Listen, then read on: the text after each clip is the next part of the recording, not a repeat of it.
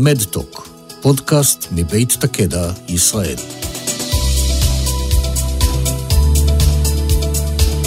שלום לכולם, אנחנו מתארחים היום באירוע של דיגיטל הלף נאו, האירוע השנתי לבריאות דיגיטלית של BWell.IL, בשיתוף המכון הישראלי לחדשנות, משרד הכלכלה, ישראל דיגיטלית ורשות החדשנות, אני רותם אליזרה, כתב הבריאות של ידיעות אחרונות, ואיתנו באולפן יעל אופיר, מנהלת תחום בריאות דיגיטלית במכון הישראלי לחדשנות BWell.IL.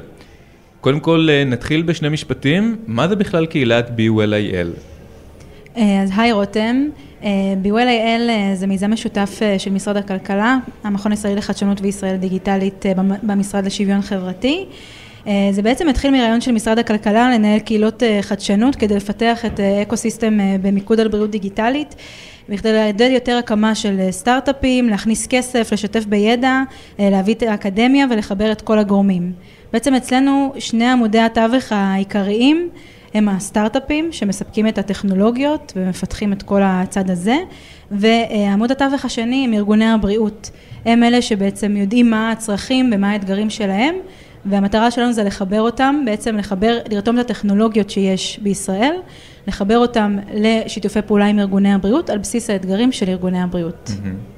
אז מצד אחד, אם אני מבין נכון, אתם מכירים את הסטארט-אפיסטים והטכנולוגיות ומצד שני, בצד הביקוש, אתם נפגשים עם ארגוני הבריאות, מדברים איתם, איזה אתגרים אתם מזהים במערכת הבריאות שצריכים את הסיוע של אותם סטארט-אפיסטים, של אותם מפתחי טכנולוגיות? אז זאת שאלה מצוינת, האתגר הראשון ככה והבולט ביותר הוא בכלל איך מכניסים חדשנות. זה תהליכים שבטוח שבארגון כמו ארגון בריאות שהוא ארגון גם גדול ולפעמים באמת מורכב ובירוקרטי ואפילו לפעמים שמרן להנחיל תהליכים חדשים של הכנסת טכנולוגיות זה דבר שהוא מורכב ואנחנו בעצם מנסים לעבור מעבר להייפ של חדשנות וממש לתת להם כלים ולעבוד איתם בצורה פרטנית עם כל ארגוני הבריאות. אנחנו רצים מצפון ועד דרום מנסים להבין מה הערך שלהם מה הערך של אותו ארגון ספציפי למה לא שווה לבוא ולקדם חדשנות באיזה תחום אותו מעניין ואז אנחנו יכולים לצאת בקול קורא לטכנולוגיות ולייצר את השיתופי פעולה האלה. אתם מרגישים שאותם ארגוני בריאות מוכנים להכניס את השיתופי פעולה הדיגיטליים, מוכנים לעשות איזשהו שינוי והבנה שהטכנולוגיות משתפרות והם זקוקים לעזרה ולסיוע שלכם? אז דבר ראשון הצורך ברור, אם תשאל כל בן אדם בארגון בריאות הוא יגיד שזה משהו שהוא באמת צורך מהותי.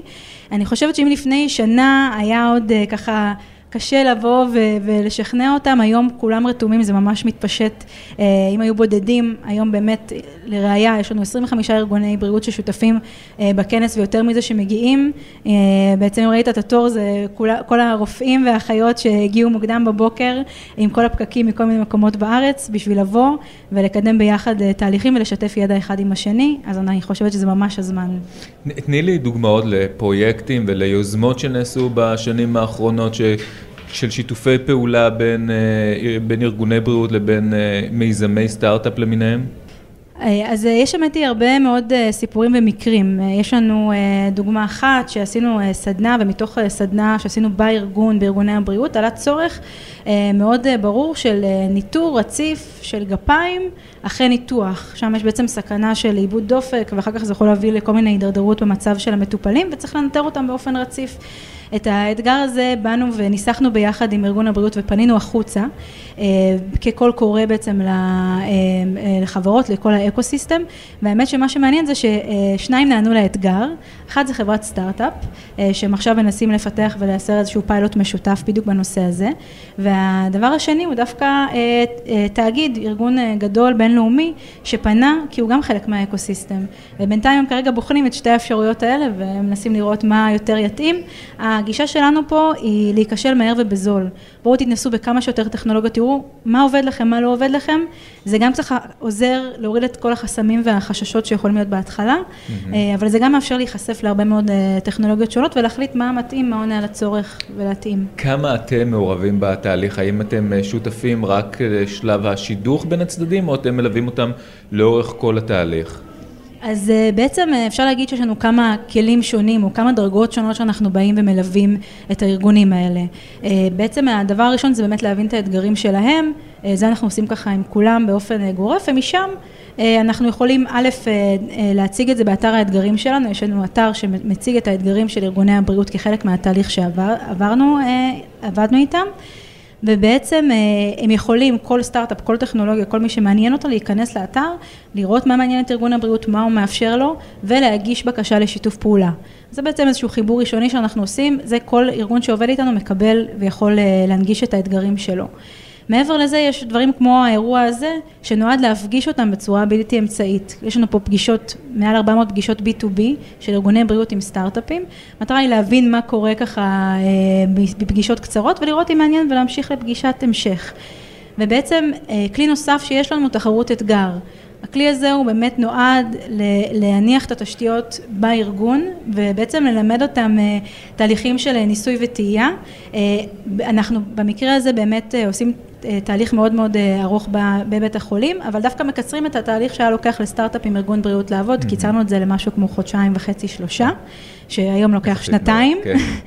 אז, וזה תהליך שהוא באמת קול קורא, הרבה מאוד גיוס אקטיבי של חברות, הם ממש עושים סוג של dating ובודקים מה מתאים להם, ובסוף גם בעצם המטרה היא להגיע לפיילוט, עשינו את זה בסורוקה, עכשיו יש שתי חברות שמתחילות ממש בימים האלה פיילוט עם מחלקת חטיבת המוח של בית החולים, ואנחנו כמובן עכשיו מריצים עוד תחרויות אתגר נוספות. הסטארט-אפיסטים מזהים את הפוטנציאל בארגוני הבריאות, הם נהנים לאתגרים האלו?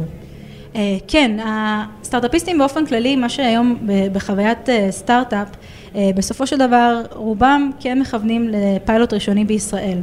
העניין הוא שהתהליכים היום לוקחים הרבה מאוד זמן ובאמת יכול לקחת, כמו שאמרתי, גם עד שנתיים לבוא ולקדם תהליך כזה של סטארט-אפ, שיש לו בעיות מימוניות ופיתוחיות והרבה מאוד אתגרים, הוא לא צריך גם את האתגר הזה, ולפעמים פונים לחו"ל ויותר קל להשיג את זה.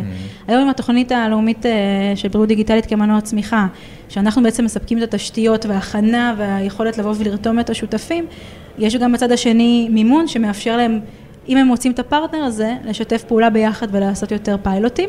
המטרה שלנו זה באמת שיעשו את זה כמה שיותר בארץ בתור התחלה ולמידה, ואנחנו גם באמת עושים הרבה מאמצים לחבר אותם, את הארגוני בריאות בארץ לארגונים מתאימים בחו"ל, שחולקים את אותם אתגרים, ואז גם סטארט-אפ שמגיע, יש לו בעצם סיבה כפולה אפילו להשתתף בפעילויות האלה, כי הוא יכול גם להתנסות בארץ, וגם אחר כך בעצם למנף את זה לפעילות בחו"ל. ואתם מזהים מהצד השני היענות יותר של ארגוני בריאות לדברים האלה? דיברת גם על רוח גבית שמגיעה מהממשלה עם תוכנית בריאות דיגיטלית, הם רוצים את השיתופי פעולה האלו?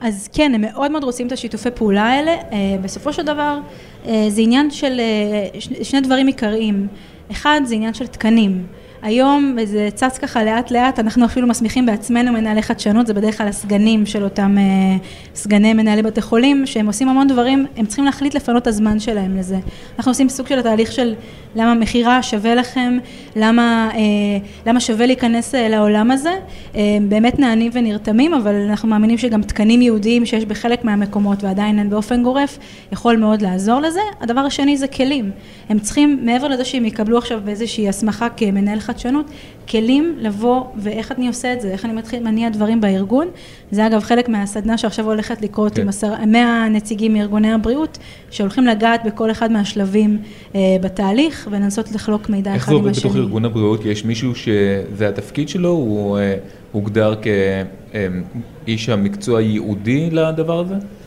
אז זה באמת מאוד תלוי, כלומר יש ארגונים, בוא נגיד שהארגונים היותר גדולים מוכרים, שיש להם גם הרבה מאוד תקציבים, מתרומות, ממענקים, הם כבר ראו את זה לפני, לפני כמה שנים, באמת מינו או יחידת חדשנות או מנהל חדשנות, מישהו שבמשרה מלאה אמור לעשות את זה, וזה דבר נפלא. בחלק מהמקומות האחרים, בתי חולים קטנים שאנחנו מגיעים באמת לכל בית חולים באשר הוא, אין להם עדיין את התפקיד הזה, גם אין להם את התקן הזה, והסגנים בדרך כלל הם אלה שמוסמכים לעשות את זה, אבל הם צריכים כמובן להחליט שזה משהו שהוא מספיק משמעותי להם, אנחנו, התפקיד שלנו זה לשכנע אותם בעדינות שזה כדאי. לסיום הייתי רוצה לשאול אותך, איך את רואה את התחום הזה של בריאות דיגיטלית בעוד עשור? זאת שאלה טובה.